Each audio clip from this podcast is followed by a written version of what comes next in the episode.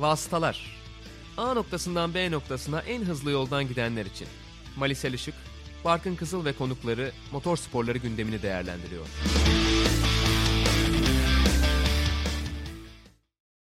Vasıtaların ikinci sezonunun dördüncü bölümüne hoş geldiniz. Bildiğiniz gibi artık bu bölümle beraber bir süre boyunca en azından kayıtları evden gerçekleştireceğiz ama her zaman olduğu gibi Mali Selişik'le beraber tekrar karşınızdayız. Mali hoş geldin.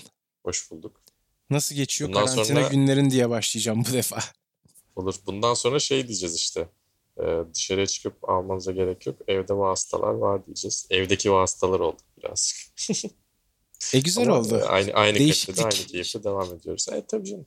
Ya her şeyin tabii yaza kadar ertelenmiş olması en iyi ihtimalle bir de birazcık garip oldu. Ama biz de farklı serilerle hem izleyecek hem anlatacak hem oynayacak şeyler bulduk. Vaktimiz bir şekilde geçiyor. Ee, önce birazcık o ilk süreçten bahsedelim. Formula 1'in iptal olduğu, Avustralya Grand Prix'sinin iptal olduğu hafta ki zaten Formula 1 iptal olmadan 24 saat önce NBA bir başlattı o domino etkisini. Evet. Rudy Gobert'le birlikte. Oradan sonra herkes takır takır iptal etmeye başladı. Herhalde NBA'in önce olduğunu söyleyebiliriz değil mi Mali? Yani NBA öyle, öyle. sayesinde yani herkes biraz daha güvenli bir şekilde evet biz bunları iptal edebiliriz diyebildi en azından. Yani işin ciddiyeti NBA ile kavrandı birazcık. Abi bunlar sezonu suspend ettilerse, sezonu askıya aldılarsa dur bir dakika ya biz de bir bakalım madem öyle dediler. Tabii şey yani bence Formula 1 yönetimi çok iyi yönetemedi bu süreci. Sen de katılıyor musun bilmiyorum. Çok muallakta kaldı. Çok geç alındı karar. Belki oraya gidilmemesi bile gerekiyordu. Sen ne diyorsun? Evet ben de katılıyorum. Çünkü serbest antrenman başlayacaktı neredeyse hatırlıyorsan. Ki hatırlıyorsun zaten. Çok yakın bir tarih çünkü. Ee, ve yani belki de pilotlar arabaya binmeye, araca binmeye hazırlardı iptal kararı geldiğinde. Çünkü yarış devam etseydi eğer herkes piste çıkacaktı McLaren hariç. Doğru. Ve ondan sonra iptal kararı geldi. Bence onlar için de biraz hayal kırıklığı olmuştur bir anlamda. Çünkü hani o kadar yolu gidiyorsunuz, mental olarak hazırlanıyorsunuz, iptal olmayacak gibi gözüküyor yarış. Ondan sonra bir anda iptal kararı geliyor ama doğrusu da buydu herhalde. Yani doğrusu tabii ki buydu ama bu kararı biraz geç almalarının sebebi e, faturanın kime patlayacağının da kararı anlamına geliyor. Çünkü e, Avustralya yönetimi, Victoria eyaleti yönetimi iptal ettiğinde F1 bu kararı kendisi almamış oluyor. Dolayısıyla ödeyecekleri faturalarda daha bir kolaylık yapmış oluyorlar kendilerine ama bence böyle şeylerde de bu tarz hesaplar sonrasında çok kötü duruyor açıkçası. Ee, yani hızlı hareket edebilmesi gerekiyordu bence. Neredeyse 2005 Amerika Birleşik Devletleri Grand Prix'si kadar büyük bir rezillik görecektik az daha. Bir iki takım daha çekilse mesela pazar gününe kadar.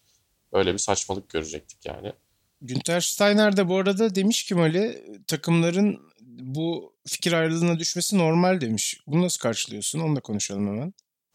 Ya bence onun yönetim tarzı ve gördüğü takımlar biraz daha eski usul. Yani Amerika Birleşik Devletleri'nde işte 2005 Indy'de o da vardı sonuçta. Ee, o zamandan bu zamana Formula 1'de yönetim tarzının da takımların stilinin de iletişim tarzının da çok değiştiğini düşünüyorum. Yani o, o, onun niye öyle bir şey söylediğini anlayabiliyorum tabii ki ama bence artık öyle bir şey çok söz konusu değil. Evet yani zaten mantıklı olan iptal olmasıydı. Hani bir ara seyircisiz oyun olma ihtimali konuşuluyordu. Bahreyn yani onu yaptılar önce sonra ertelediler. Tabii evet. E, tabii evet, yani evet. sonuçta ciddi miktarda dört e, haneli rakamda bir e, sirk sonuçta dolaşıyor. Yani bunlar hepsi bir yerlerden geliyorlar. Bir kısmı İtalya'dan geliyor. Yani bu güvenli bir şey değil tabii ki. Yani şöyle bir durumda zaten anlayabiliyoruz bence bunu. E, Rudy Gobert'den insanlara bulaşabilecek bir durum olduğunu da anlamak gerekiyor. Yani buradaki şey Formula 1 padoğunu korumak değil aslında sadece. İnsanları Formula 1 padoğundan da korumak. Çünkü belki daha fazla yayabilecek noktada onlar. Bütün dünyayı dolaştıkları için ve farklı ülkelerden geldikleri için. Yani sporun kendisini korumak değil aynı zamanda e, sporun gittiği yeri de korumak demek oluyor bu. Çünkü çift taraflı bir şey bu aslında yani. Bence. Bir tek spor değil hatta dünyayı da bir anlamda korumak. Çünkü buraya tabii, gelip tabii işte, yarışı evet. izleyen Diğerleri. insanlar akşam evine, ailesine gidecekti sonuçta. Aynen onu diyorum işte. Onu diyorum evet. Yani sadece işte Hamilton'a bulaşmasın değil, Hamilton'dan da başkasına bulaşmasın. Önemli olan da o bir taraftan.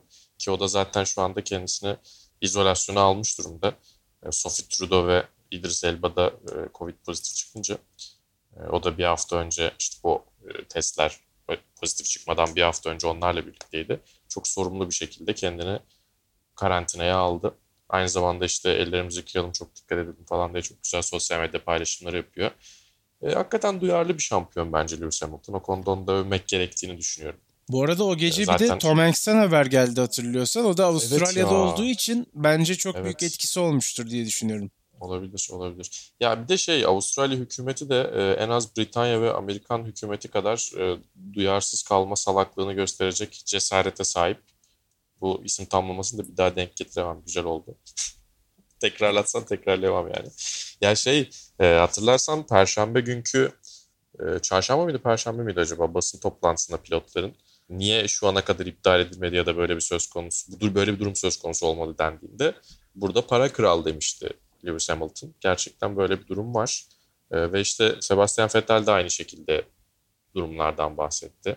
E, hatta Cuma günü iptal kararı çıkmadan önce e, Sebastian Vettel ve Kimi Raikkonen'in zaten uçağa binip gittiğine dair e, bir takım haberler de çıkmıştı. Evet. Yani sporun zirvesindeki isimlerin de bu tarz bir inisiyatif kullanabiliyor olması bence çok güzel. Kesinlikle katılıyorum. Yani belki de önce olmuş bile olabilirler bu yaptıkları evet, evet, beraber. Tabii. Yani o kararın çıkmasına daha daha doğrusu o kararın daha kolay çıkmasına sebep olmuş olabilirler. Zaten bu adamlar yok diyerek. E, o yüzden ben beğendim yani açıkçası. E, ama çok geç verilmiş bir karar. Ya bir de Formula 1'de daha önce hani bütün takımların katılmadığı hatta gridin yarısından fazlasının katılmadığı ama yarışın başladığı durumları gördük ama işte bu tam olarak öyle bir şey değil. Evet. Bu yarış dışındaki çok fazla faktörü de ilgilendiren bir şey olduğu için bence doğru karar geç de olsa alınmış oldu diyelim. Bu konuyu noktalayalım istersen. Evet yani konuyu noktalamayacağız da Formula 1'i noktalayacağız. Konudan kaçışımız yok çünkü kesinlikle. E, 2020 sezonunda ne olacak? Olacak mı, olmayacak mı soruları içerisinde. E, yavaş yavaş bütün yarışlar ertelendi zaten. E, Haziran'da başlayıp işte senenin sonuna kadar giden 15 ila 18 yarışlık bir takvim düşünülüyor. Evet, en son Azerbaycan'dan geldi bu arada erteleme kararı. Aslında orada başlatmak istiyorlardı sezonu bu arada. Öyle de bir görüş hakimdi ama oradan da erteleme kararı gelmiş oldu tabii. Hı hı. Avustralya Grand Prix'si iptal oldu. O yapılmayacak. Monaco'da ee, iptal Çin Grand Prix'si onu diyecektim. Çin Grand Prix'si iptal mi erteleme mi peki? O da iptal değil mi? Yani iptal olsa da olmasa da Çin Grand Prix'si iptal bence. Bence de. Yani şey takvimin sonuna bir yere eklemeye çalışırız gibi bir şeyler diyorlar da zannetmiyorum. Monaco Grand Prix'si asıl büyük olay bence. 1953-54'ten beri ilk kez iptal oluyor Monaco Grand Prix'si. Ya ondan önce de zaten dünya savaşlarında. Yani çok ciddi bir olay. Biz zaten bir önceki bölümde de söylemiştik.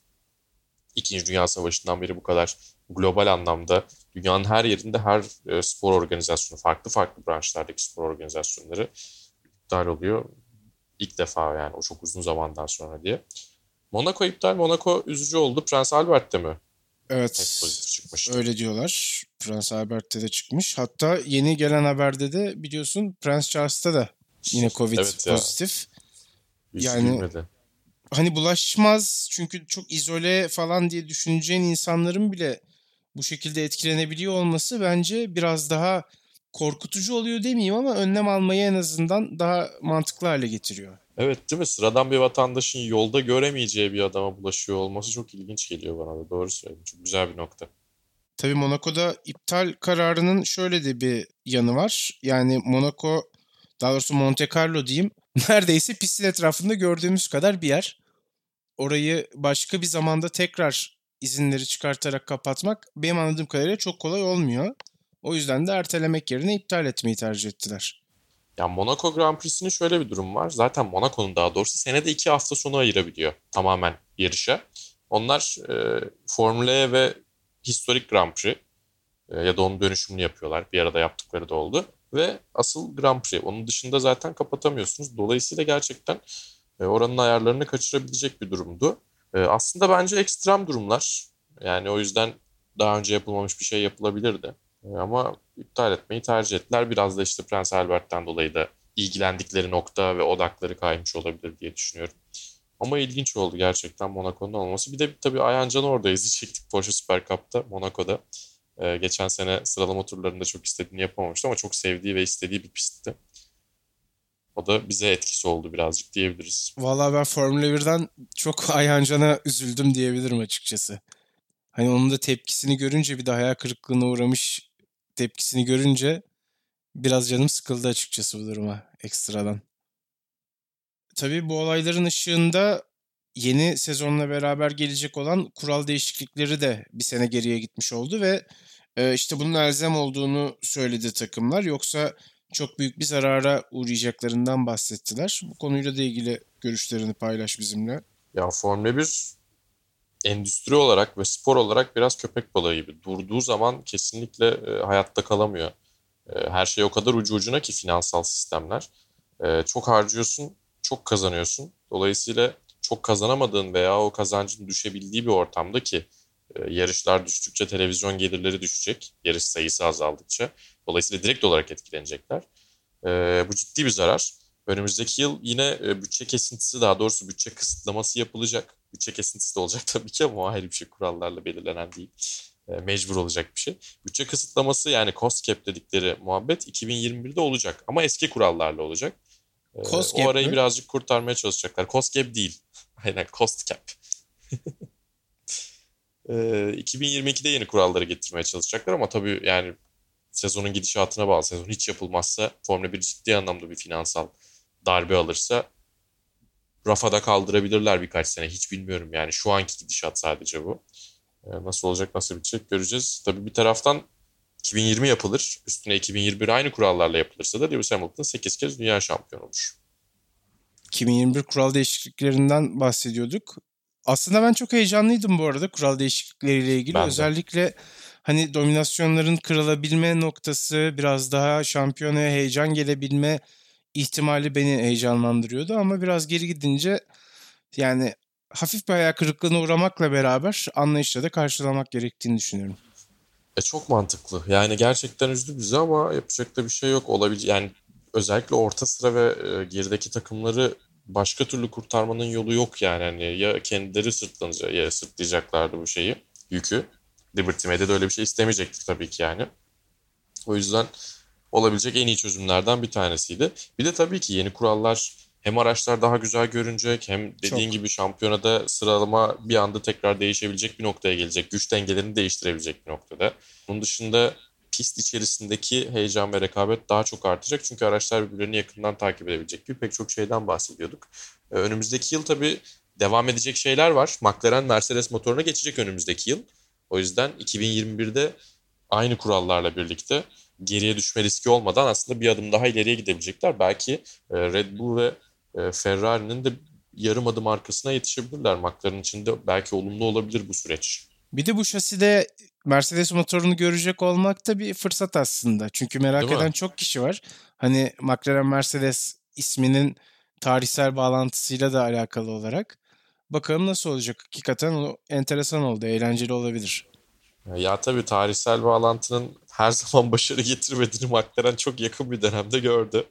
E, Honda ile birlikte. Ama yani Mercedes daha kanıtlanmış bir e, bu formülde en azından bu motor formülünde daha kanıtlanmış bir e, güç ünitesine sahip. O yüzden 2021'de gerçekten işleri iyi olabilir onlar için. Yani şaside veya şeyde e, kural değişikliklerinde geriye düşme riski olmadan şu ankinin üzerine koyup devam edebilirler ama bunlar tamamen 2020 tahmin edildiği gibi yapılır. 2021 tahmin edildiği gibi başlarsa yani bu iş uzarsa belki 2020 sezonundan bahsetmeyebiliriz bile. Kim bilir. Evet yani hiç emin değiliz gerçekten bu sezon açılıp açılmayacağıyla alakalı. Ve sadece Formula 1 ile alakalı da değiliz. E, motor sporlarının çoğu da dalı zaten Haziran'a kadar herhangi bir şey yapmıyor. Mayıs sonuna belki bakarız falan diyenler var. Onlardan bahsedelim istersen. Evet çok iyi bağladın. Ben de tam o konuya pas atacaktım. Sen hemen çıkarttın aradan. MotoGP ile başlayalım istersen. MotoGP'de biliyorsun biz İzgecan Günal'ı programa konuk edelim dedikten sonra başlayan olaylar silsilesiyle beraber bir türlü ya. sezon açılamıyor. Herhalde bir süre boyunca da açılamayacak gibi gözüküyor. Sadece tabii Formula 1 değil bütün seriler aslında etkilendi. Formula 1'in destek serilerinden tut diğer işte en prestijli serilere kadar ki birazdan hepsinden bahsedeceğiz neredeyse. MotoGP'de çok sert darbe alan yarışlardan bir tanesi oldu, serilerden bir tanesi oldu diyelim. Öyle yani MotoGP'de zaten saçma durumdan bahsetmiştik. Bir daha özetleyelim.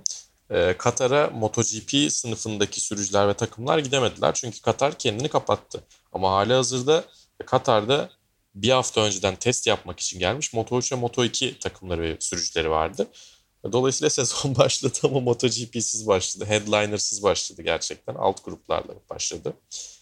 Biz de gittik onu anlattık zaten. Ne acayip bir sezon başlangıcı oluyor. Bari başka bir yerde devam edebilsek dedik. Başka bir yerde de devam edemedik. E, MotoGP de şu an çok sürüncemede duruyor açıkçası. 2020'ye hemen şöyle bir bakalım. MotoGP sezonuna. Bu arada biraz garip oldu Mali ilk yarışların yapılması. Yani Moto2, evet. Moto3 açıldı. İşte Superbike'da ilk yarış Phillip Island o gerçekleşti. Böyle ağzımıza bir parmak bal çalındı ama evet. devamı gelmeyecek dediğin gibi. Yani en erken şu an 3 Mayıs Herez görünüyor. O da e, ertelenecek. Herez ertelendi mi ya da iptal oldu mu acaba? Ondan sonra 17 Mayıs Fransa var. 31 Mayıs Mugello var. Mümkün değil bence. Bence de Haziran'dan değil. önce İtalya'nın kendini kurtarabilmesi. Ama şu anki e, görünen takvim Mayıs'ta başlıyor. Kasım sonunda bitiyor gibi görünüyor. Bence e, Haziran ortası falan gibi iyi bir ihtimalle bir yerler işte Assen'de Zahsenring zamanında bir yerde başlayıp herhalde e, 2020'nin son haftasına kadar falan devam edebilecek bir takvimden bahsedeceğiz diye düşünüyorum. Biraz böyle Güney Amerika e, ve işte e, Asya taraflarını daha böyle hani şey ya da çok hava şartları olarak en azından karkış kıyamet olmayan yerlere takvimin sonuna atabilirlerse biraz daha düşünmek gerekecek. Şu an Mayıs iyimser ama şu anki durum bu. Bakalım nasıl olacak. Bir de şey yapıyorlar tabii. E, bir e-spor serisine e, işleri döndürme niyetindelerdi. Ondan da sen bahset istersen. Evet hatta işte Valentino Rossi de katılacak şeklinde bir haber vardı. Zaten MotoGP gridinden birçok isim yarışta yer alacak açıklanana göre. Hatta Fabio Mark Marquez de onlardan Alexis, bir tanesi. Mark Marquez doğru. Biraz ben açıkçası hayal kırıklığına uğradım. Çünkü Rossi'nin katılmayacağını duyurdular sonradan. Biz bunu kendi aramızda da konuştuk. Hani siz biraz daha şey yaklaştınız. Zaten çok fazla isim katılacak. Hani Rossi olsa da olmasa da keyifli olacaktır diye. Ama işte Rossi bence öyle bir yıldız ki o kadar fazla insanı etkilemiş bir isim ki Rossi'nin adı geçtiği zaman o burada Rossi de varmış diye böyle bir galeyana geliyor insanlar. Yani o Rossi için o yarışı izleyecek olan da mutlaka çok vardır. Ama Doğru. işte sonradan konuda... Rossi'nin katılmayacağını söylediler reklamın iyisi kötüsü olmaz diyorum ben bu konuyla ilgili. ya Rossi'ye sormadan bence önce açıklamışlar gibi geldi bana. Ya da belki şöyle bir durum olabilir tabii. Rossi hani ülkesinin içerisinde bulunduğu durumun vahametinden dolayı böyle bir oyun veya işte goy goy ya da eğlence gibi bir şeyde çok yer almak istememiş olabilir. Kafa olarak öyle bir durumda değildir belki. Yani telaşlıdır, endişelidir. Belki öyle bir durum vardır. Ama gerçekten dediğin gibi atıyorum MotoGP e, e-sporu e, Twitch kanalında yayınlıyor olsa ve e, Rossi'ye Rossi bir kamera koyup onu verse 50 bin anlık izleyiciyi çok rahat bulabilir. Kesin, kesin. Diye düşünüyorum. Evet, Ki bu çok ciddi bir rakam yani. Yakından da biliyoruz rakamları artık. evet ondan bahsedeceğiz. Tabii MotoGP'nin şöyle de bir aslında sıkıntılı yanı var bu durumlar özelinde. Zaten geçen programda da bahsetmiştik yanlış hatırlamıyorsam. Takımların ve sürücülerin çok büyük bölümü İtalya'da. Ve evet. işte İtalya Avrupa'da bu salgının hani en şiddetli görüldüğü ülkelerden bir tanesi. Belki de birincisi. Dü- dünyada ilk üçte zaten bence. Aynen işte öyle. Yani. yani bu durumda zaten MotoGP serisinin devam etmesi zaten çok da söz konusu olamayacaktı yani. Mugello'da F1'i bizde yapalım diyordu. Evet. O da enteresan. Hele hele diyorum kendilerine. Not. Tabii Mark Marquez'in bir sakatlığı vardı. Hani sezona formsuz başlayabilir mi? Acaba bu sezon şampiyonluk başkasına gidebilir mi gibi düşünceler vardı. Mark Marquez de aslında bir anlamda bu hani zorlayabilecek kendisini başlangıçtan kaçınmış oluyor. Tabii canım yani bu sezon gecikmelerinden en çok avantaj sağlayan iki takım var. Bir tanesi Brooklyn Nets, bir tanesi Repsol Honda. yani o yüzden e, tur gibi gelecektir diye tahmin ediyoruz. Ya sezon başlasın da Mark Marquez yine her yarışı kazansın ben ona da okuyayım. Evet. Sezon başlasın ama yani. E, Le Mans 24 saat ertelendi.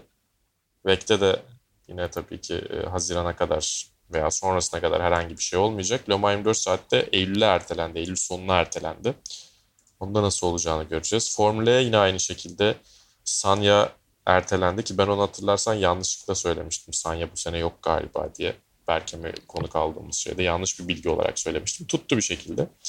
Keşke tutmasaydı. Roma 4 Nisan'da teşekkür ederim. Ee, Roma 4 e, Nisan'da olacaktı. Ertelendi. Olacak mı olmayacak mı belli değil tabii ki de. E, Paris, Seul ve Jakarta eprileri de aynı şekilde ertelendi. E, en erken şu anda takvimde görünen 21 e, Haziran'daki Berlin epresi Tempelhof Havaalanı'nda.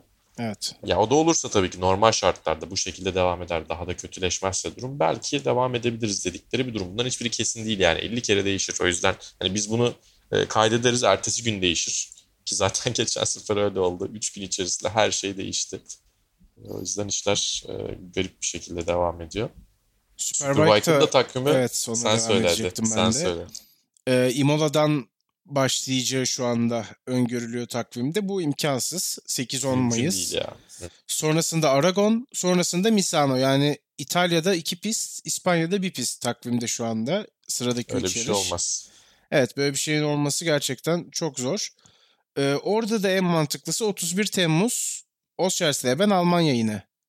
Yani evet. Olursa eğer. 1-2 Ağustos diye görünüyor ama. Ha sonra şey revised takvimde diyorsun sen. Evet evet. Ve bu takvimi yani. yeni paylaştılar Mali. Yani İtalya yarışlarının evet, evet, olduğu doğru. bu takvimi iki gün önce galiba ya da üç gün önce paylaştılar. Evet iki gün önce paylaşmışlar kontrol ettim. Hayır madem bunları düzenlemiyorsun ya bir şekilde yaparız diye düşünüyorsun. Yeni takvim diye niye yayınlıyorsun? Ben ona biraz gıcık oldum. Ya bence biraz çok mantıksız bir hareket bu. Gerekli hassasiyeti kaçırmışlar gibi geldi bana. Çok hoş değil o yüzden. Bir de yani herkes en az Ağustos'a kadar işleri e, ertelemişken sen bundan neredeyse bir buçuk ay sonra İtalya'da yarış yaparım diyorsan biraz dalga da geçerler seninle yani. Bakalım ya o sezonda çok güzel başlamıştı. Toprak çok rekabetçi bir şekilde başlamıştı. Nasıl devam edecek, nasıl etkilenecek herkes psikolojik olarak da e, göreceğiz açıkçası. Tabii etkilenmeyen serilerden devam edelim istersen böyle. E-sporla devam edelim. Ee, E-sporun yükselişi. Artık her yarışı izliyoruz neredeyse evimizden. Çünkü daha iyi yapacak hiçbir aktivitemiz yok ve yarışlar gerçekten çok heyecanlı geçiyor. Çok güzel geçiyor. Hatta işte gerek Cem Bölükbaşı gerek Ayhan Can Güven ikisi de fırtına gibi esiyorlar şu anda. Tabii canım. Yani motorsporlarından ne bekliyorsanız aslında e-sporda var şu anda. Yıldız isimler de var. Başarılı Türk sporcular da var. Yarışlar zaten heyecanlı geçiyor. Geyik istiyorsanız o da var. Yani eğlenceli şeyler de oluyor. Ee, biraz onlardan bahsedelim. Aslında ilk olarak Not the Australian GP, The Race sitesinin organize ettiği, Veloce ile birlikte organize ettiği bir yarışla başladı sezon. Yani e-spora direkt alternatif olarak e, düşündüğümüz nokta oradan başladı. Yine Avustralya'da başladı sezon. Tabii tabii Avustralya'da başladı. E, Albert Park'ta başladı. Orada Lando Norris vardı, Thibaut Courtois vardı. Başka kimler vardı? Stoffel Van Dorn var mıydı Esteban Gutierrez'le birlikte? Galiba vardı orada. Emin olamadım şu anda. Ya orası ya kadro o kadar çok yarış güzeldi. izledik ki çok kısa bir zamanda kadrolar biraz birbirine karıştı açıkçası. Yani büyük profilli, küçük profilli demeden çok fazla isim gerçekten buna ilgi gösteriyorlar.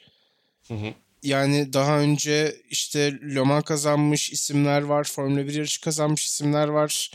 Onun dışında kendi serilerinde gayet iyi iş çıkaran isimler var ve hani çok fazla insanın takip ettiği e-spor yarışçıları ve yarış yayıncıları da bu yarışlarda yer alıyorlar. Aynen öyle.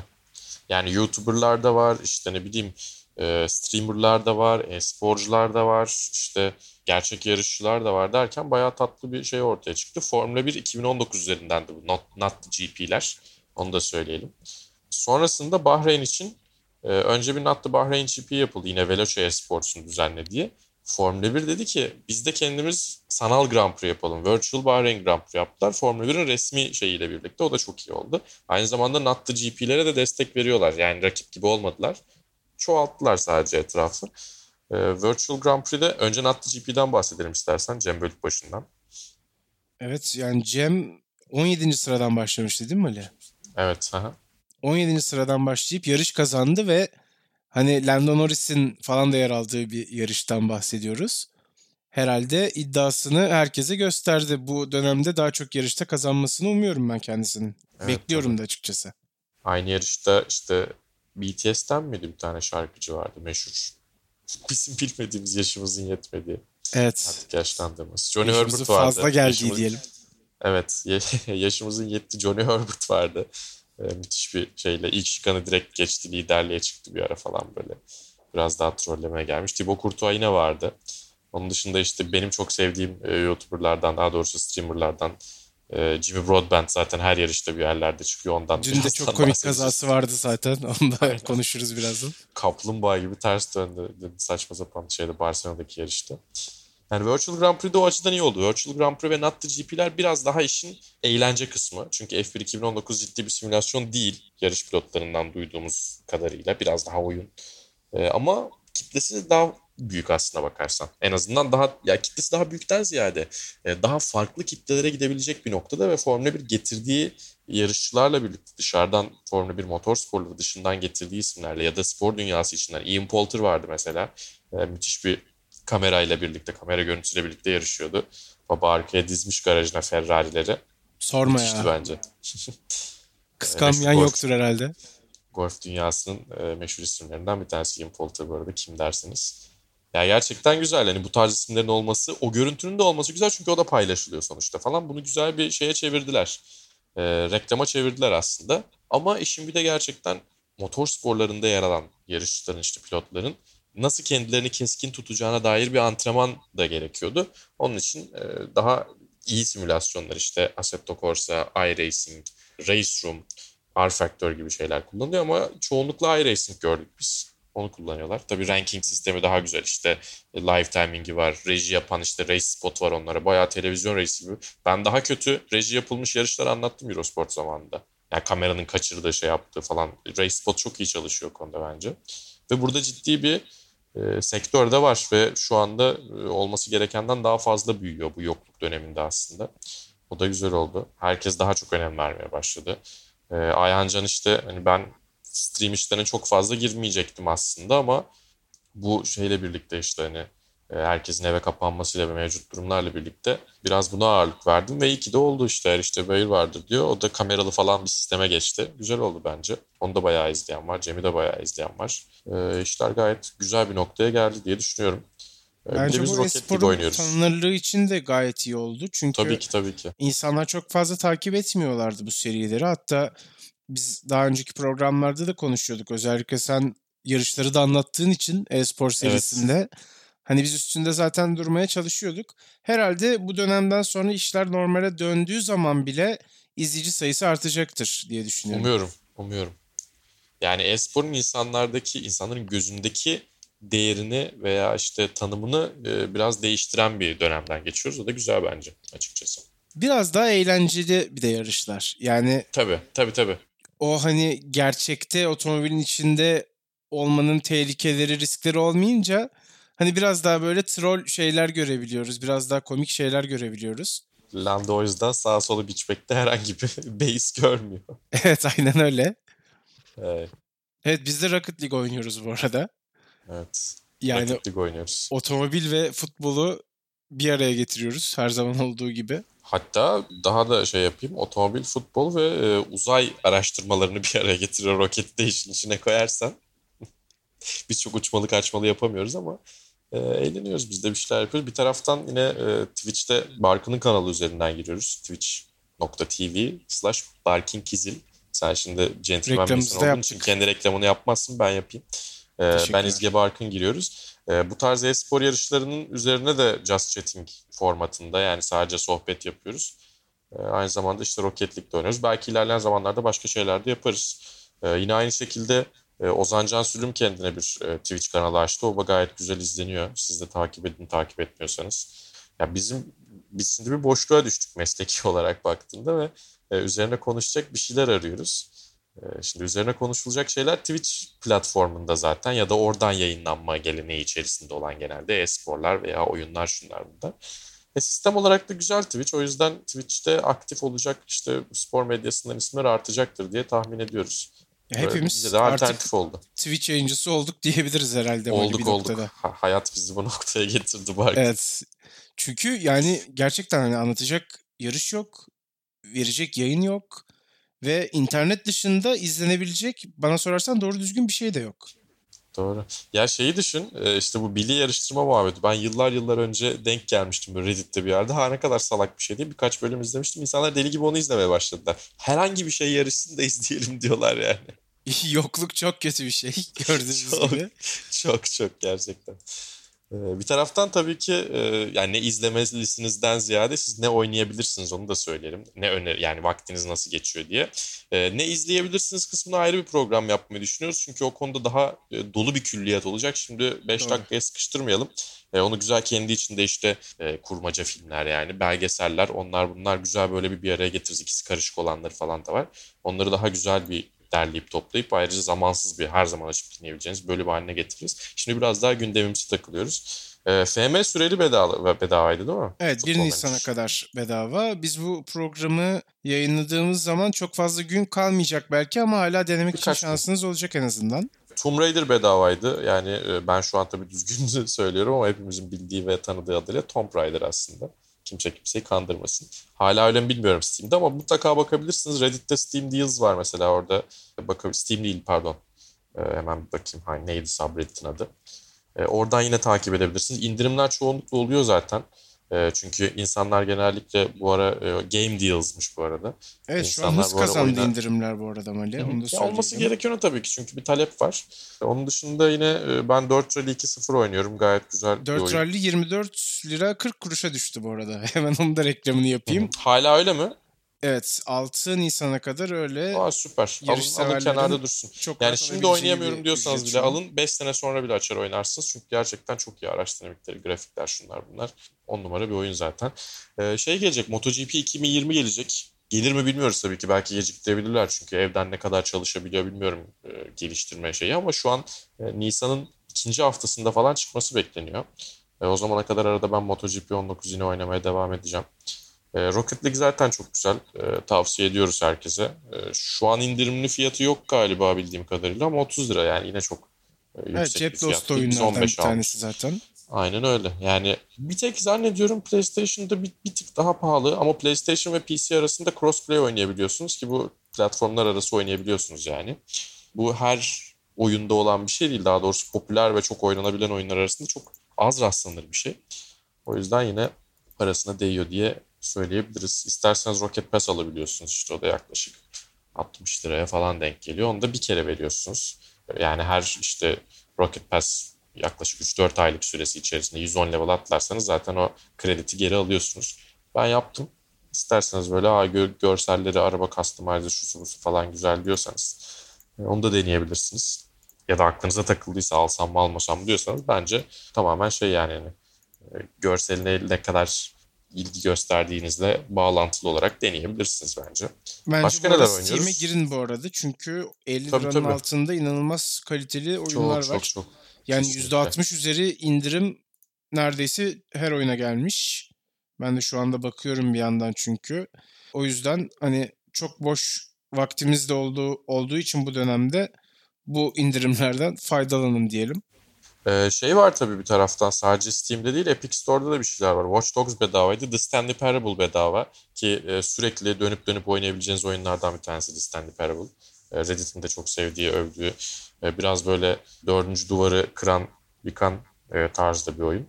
E, onu da deneyebilirsiniz mutlaka. Ben GTA 5 aldım. Onun story modunu oynayacağım şimdi. Oynuyorum yavaş yavaş. O da bir ara indirimdeydi. Hala indirimde mi bilmiyorum. %50 indirim civarındaydı. Söylentiye yani göre bu arada 4 Rally de PlayStation'da bedava gelecekmiş aylık oyunlar Aa, kapsamında PlayStation Plus'la. Ee, şöyle bir şey olmuş. Oyunun bedava olacağını duyurmuş Sony yanlışlıkla. Ondan sonra hemen hata olduğunu anlayıp kaldırmışlar. ee, muhtemelen gelecektir ama herhalde buradan e, İyilik sistemi güzel çünkü yavaş yavaş ona geçiliyoruz. Biz de Season Pass alıyoruz zaten 4 Rally'de. Aslında çok farklı bir şey değil. O yüzden olması gerekiyor. Oyunun kendisindense biraz böyle aylık üyelik e, sistemine. Bütün dünya oraya gidiyor aslında. Üyelik sistemine gidiyor. Çünkü tabii ki öyle olduğu zaman satışlardan değil üyelikten para kazanıyorsunuz ve dolayısıyla e, sezon içerisindeki daha doğrusu sene içerisindeki çeyreklerde ne kadar para kazanacağınızı daha iyi öngörebiliyorsunuz. O da firmaların işine geliyor tabii ki. Bu arada Fangio belgeseli tabii çıktı Netflix'te. Güzel bir iş olmuş bence. Derli toplu ve hani işte gerçekten anlatmak istediği şeyi iyi anlatan bir belgesel olmuş. Fangio'yu biraz daha tanımamızı sağlayan bir iş olmuş açıkçası. Kesinlikle. Tabii ya 50'li çok... yıllarda sonuçta aktif olan bir isim. Yani kariyerinin iyi dönemlerinde orada geçirmiş bir isim. Dolayısıyla çok fazla hani içerik bulamayabilirsiniz hakkında. O yüzden bu çok kıymetli geldi bana. Doğru. Yani Juan Manuel Fangio e, bence gerçekten Formula 1 tarihinin ve motorspor tarihinin en özel adamlarından biri. Ama e, hakkı da yeniyor. Yani ilk dönem olmasının dezavantajları tabii ki ama bakıldığı zaman gerçekten çok istisnai bir adam. Kendi dönemine yani yarıştığı adamlarla karşılaştırdığınız zaman da çok istisnai bir adam. Yani hikayesini güzel anlatmışlar. Bazı yerleri eksik kalmış ama bence. Yani şey şunu niye o kadar detaylı anlatmadılar gibi bir şeyden bahsetmiyorum ama atıyorum işte o üniversite araştırmasıyla Fangio işte rakamlarla biz daha iyi bulduk gibi bir şeyi kastırmak yerine Juan Manuel Fangio'nun e, emekli olduktan sonra da ara ara bu tarz gösteri yarışlarına katıldığını falan anlatsalar iyi olabilir. 80 yaşından büyüklere bir dönem ehliyet iptali geliyor Arjantin'de. Juan Manuel Fangio diyor ki ben her gün araba kullanıyorum. Herhangi bir tehlike bir şey yok. Bu kararı verenlerle diyor ya da isteyen herkese diyor işte Buenos Aires'ten bir yere yarışalım diyor. Ben birinci gelirsem diyor bu, bu şeyi yapın falan diyorlar. Sonra Fangio'ya istisnayı onun ehliyetini veriyorlar. Sen ben 60 yıldır kullanıyorum bir bağımlılık yaptığını görmedim diyor değil mi? Aynen öyle söylüyor. Aynen öyle söylüyor. Ya bu tarz böyle biraz daha Fangio efsanesini anlatabilirlerdi gibi geldi fazla. Bazı noktaları e, çok istatistikte tıkılı kalmış gibi geldi. Onun dışında çok güzeldi ve dediğin gibi zaten Netflix destekli bir yerel yapım olması e, çok özel bir şey. E, konuşan insanlarla da alakası var tabii ki bunun ama e, Juan Manuel Fangio'ya dair bir şeyler bulabilmek adına güzel yani insanlar en azından tanışmış olacaklar böyle bir efsaneyle. Yakında izlediğimiz için bu öneriyi yapıyoruz ama daha derli toplu, daha böyle dolu bir ne izlenir motorspor ile alakalı diye e, ayrıca bir hastalar bölümüne de geleceğiz. Bu arada önerilerinizi yine alabiliriz sosyal medya üzerinden. Yerlerden bize yazabilirsiniz. Ya şunda mı konuşsanız, şunda mı yapsanız diye. Biz de bu sistemi oturttuktan sonra sık sık vasıtalar yapmaya çalışacağız. Toparlayalım mı yavaş yavaş? Evet kapatalım hatta. Zaten bir sonraki bölümümüz spoil'de ettiğimiz gibi genelde diziler, belgeseller, filmler üzerinde geçecek. O şekilde olacak. O bölümü de bekleyiniz. Size güzel önerilerimiz olacaktır diyerek bölümü kapatıyorum Mali. Evet ama bir taraftan bizi yani zaten vasıtaları Sokrates Podcast'ten herhangi bir yerden izleyebilirsiniz, dinleyebilirsiniz daha doğrusu. Ama ya yetmedi arada biz sesinizi duymak istiyoruz, muhabbetinize katılmak istiyoruz derseniz bir kez daha söyleyelim. Çoğunlukla Twitch'teyiz biz zaten. Evet bizi orada bulabilirsiniz. Aynen Barkın'ın Twitch kanalında da bizi bulabilirsiniz diyelim. Hoşçakalın. Hoşçakalın.